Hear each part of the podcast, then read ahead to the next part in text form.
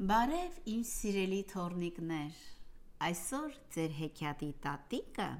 կկարդա մի նոր հեքիաթ՝ Մոխրոտը: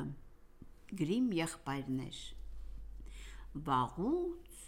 շատ վաղուց մի սիրուն ու բարի աղջիկ է լինում: Նրա մայրը մի օր հիվանդանում և մահանում է: Ձմեռն անցնում է: Գարնան գալու պես հայրը ամուսնանում և խորթ մայր է բերում իր սիրունիկ աղջկա համար: Այդ խորթ մերն էլ հետը երկու աղջիկ է բերում: Նրանք շատ չար ու անհոգի են լինում: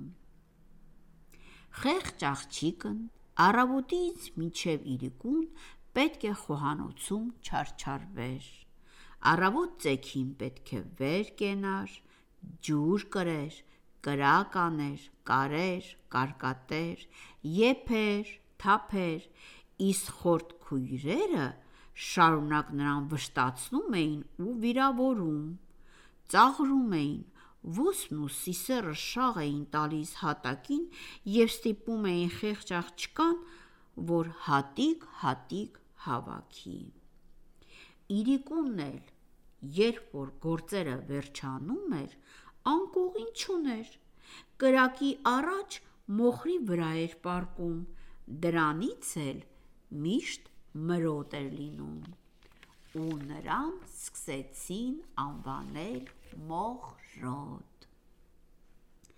Մոխրոտի հայրը հաճախակի ճամփորդում էր և նա չէր տեսնում, թե ինչպես են վարվում խորթ մայրը և քույրերը Մոխրոտի հետ: Մի անգամ Մոխրոտի հայրը ուրիշ քաղաք գնալիս խորթ աղջիկներին հարցնում է, թե ինչ եք ուզում ձեզ համար բերեմ: Մինն ասում է.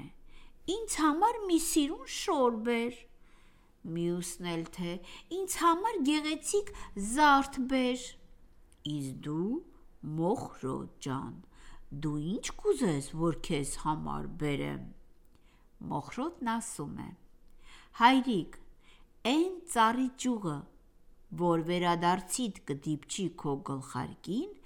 էն ճյուղը կտրիր ու բեր ինձ համար: Հերը գնում է, խորթ աղջիկների համար լավ շորեր ու թանկագին զարդեր առնում ու ճանապահ ընկնում դեպի տուն: Վերադարձին մի ընկուզենի ճյուղ դիպչում է գլխարկին: Հենց այդ ճյուղն էլ կտրում է հետը վերցնում, որ Մոխրոտին տա: Տուն է հասնում, խորթ աղջիկների ուզածն իրենց է տալիս, ընկուզենի ճյուղն էլ տալիս է Մոխրոտին: Սիրելի փոքրիկներ, Մոխրոտը ընկուզենի ճյուղը տնկում և խնամում է, մինչև որ դառնում է մեծ ընկուզենու ծառ: Օրերից մի օր այդ քաղաքի թագավորը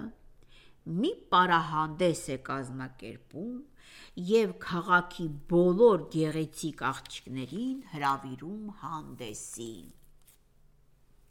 Խորթ քույրերը, որ իմանում են իրենք էլ են հրավիրված, ուրախանում, աշխարհով մին են լինում ու Մոխրոտին ձայն են տալիս: Արի Մոխրոտ, արի մեր մազերը սանրի, մեր կոշիկները սրբի, մեր կոճակները ամրացրու: Մենք գնում ենք թագավորի պալատ խնջույքի: Ինչ որ ասում են, ամեն բան Մոխրոտը կատարում է: Բայց սիրելի փոքրիկներ, մեր Մոխրոտի սիրտն էլ է ուզում ուրախանալ, պար գալ: Խորթ մորը խնդրում է, որ իրեն էլ հետները տանեն պալատ: Բայց խորթ մայրը զայրանում է. Հը, հողեմ գլուխդ, ակասը-մակաս, էդ մրոտ երեսով դու էիր պակաս թագավորի պալատում: Չէ, չեմ տանի, ոչ հագիդ հագուստ ունես, ոչ ոդքիդ ոտնաման, ինչպես պետք է պարգաս պալատում, հմ։ Մոխրոտը շատ է տխրում, լաց է լինում, իսկ խորտ մայրը երկու աման ոսպ եւ սիսեր է լցնում հատակին եւ պահանջում, որ մեկ ժամում առանձնացնի իրարից։ Մոխրոտը վազում է իր տնկած ընկուզենու մոտ եւ կանչում. Իմ ընկեր աղունիկներ, թռեք, եկեք ամեն կողմից, դուք ջոկեցեք լավ նամանի մեջ, վատըմ ձեզ կեր, իմ ընկեր աղունիկներ։ Կանչում է թե չէ, խոհանոցի լուսամուտից թր-թռալով, ծլվլալով իջնում են ու կտ կտուցներով սկսում են ոսպը մոխրից առանձնացնել։ Մոխրոտի խորտ մայրը իր երկու աղջիկների հետ գնում է պալատ, իսկ մոխրոտս մնում է մենակ ու մտածում, ինչ անի, նորից մտածում է, գնա ընկուզենու ծառի մոտ, գնում է ընկուզենի ծառի մոտ, կանգնում եւ ասում. «Ժաժ-եք, ժաժ-եք, ծառիմ, ձգիր զարվար, ոսկի, արծաթ, շոր ինձ համար»։ Կանչում է թե չէ, ճերմակ թռչնակը ծառի վրից ոսկե կար ու արծաթակար մի ձեռ շոր ու զուտ ոսկուց ոտնամաններ։ Էսպես, սիրելի փոքրիկներ, մեր մոխրոտը զուգվում, զարդարվում եւ գեղեցիկ հագնված գնում է պալատ։ Պալատում հենց արքայազն տեսնում է մոխրոտին շատ է հավանում եւ ամբողջ խնջույքի ընթացքում ապարում է միայն մոխրոտի հետ հենց մութն ընկնում է, մոխրոտն ուզում է հեռանալ պալատից, բայց արքայազը չի ուզում, որ մոխրոտին բաց թողնի։ Հենց այդ ժամանակ մոխրոտը այնպես ձեռած սահում է ու չքանում, որ տղան չի կարողանում ետևից հասնի։ Միայն թե սիրելի փոքրիկներ, արագ վազելուց մոխրոտի ձախ ոտքի կոշիկը մնում է պալատի սանդուղքների վրա թակավորի տղան կոշիկը վերցնում ու զարմանում է, թե ինչքան փոքրիկ ու ինչքան սիրուն են զուտ մաքուր ոսկուց։ Հաջորդ առավոտ արքայազն կոշիկը վերցնում ու ընկնում է քաղաքով մեկ եւ ասում. Ում ոտքին կլինի այս փոքրիկ կոշիկը, նա էլ կլինի իմ հարսնացուն խորտ քույրերը ուրախանում են։ Մեծ քույրն իսկույն սենյակ է վազում, փորձում է կոշիկը, ինչքան փորձում է կոշիկը, չի մտնում։ Մյուս քուրն է գալիս փորձում ոտքին, այս երկրորդին էլ փոքր է լինում։ Մայրը զայրանում է. «Ոչինչ, թող մի քիչ էլ փոքր լինի ոտքիդ, մի կեր ոտքդ մտցրու կոշիկի մեջ, վախ էլ մի, որ թակուհի դառնաս, ոտքով հո չես ման գալու»։ Աղջիկը մի կերպ ոտքը մտցնում է կոշիկի մեջ եւ դուրս է գալիս թակավորի տղայի մոտ։ Թակավորի տղան ասում է. «Հիմա արդեն գտա, սա է իմ հարսնացուն»։ Ու նստում են կառքը գնում։ Ճանապարհին ընկուզենու ծառի մոտից անցնելիս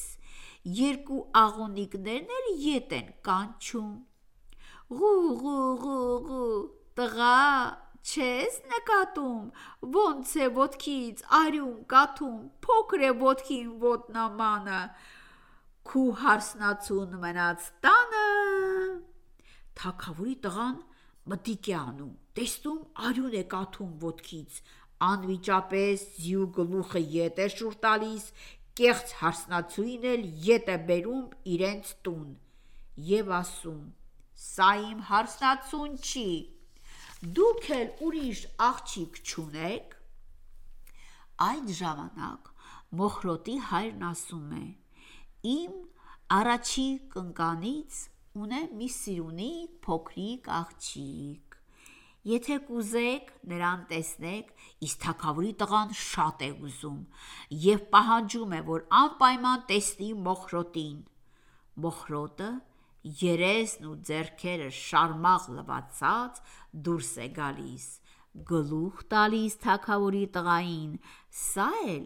կոշիկն է տալիս Մոխրոտին։ Հենց այդ պահին Մոխրոտը հագնում է կոշիկը, այնպես է ոտքին գալիս, ոնց որ հալած թափած։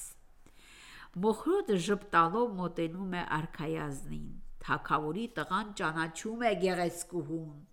Ահա, ահա ասում է, վերջապես գտա իմ իսկական հարսնացուին։ Թագավորի տղան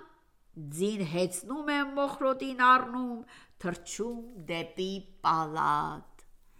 Մոխրոտի տնկած ընկուզենի ծառի մոտով անցնելիս երկու ճերմակ աղոնիկներ երգում են. Ղուղուղուղու տղա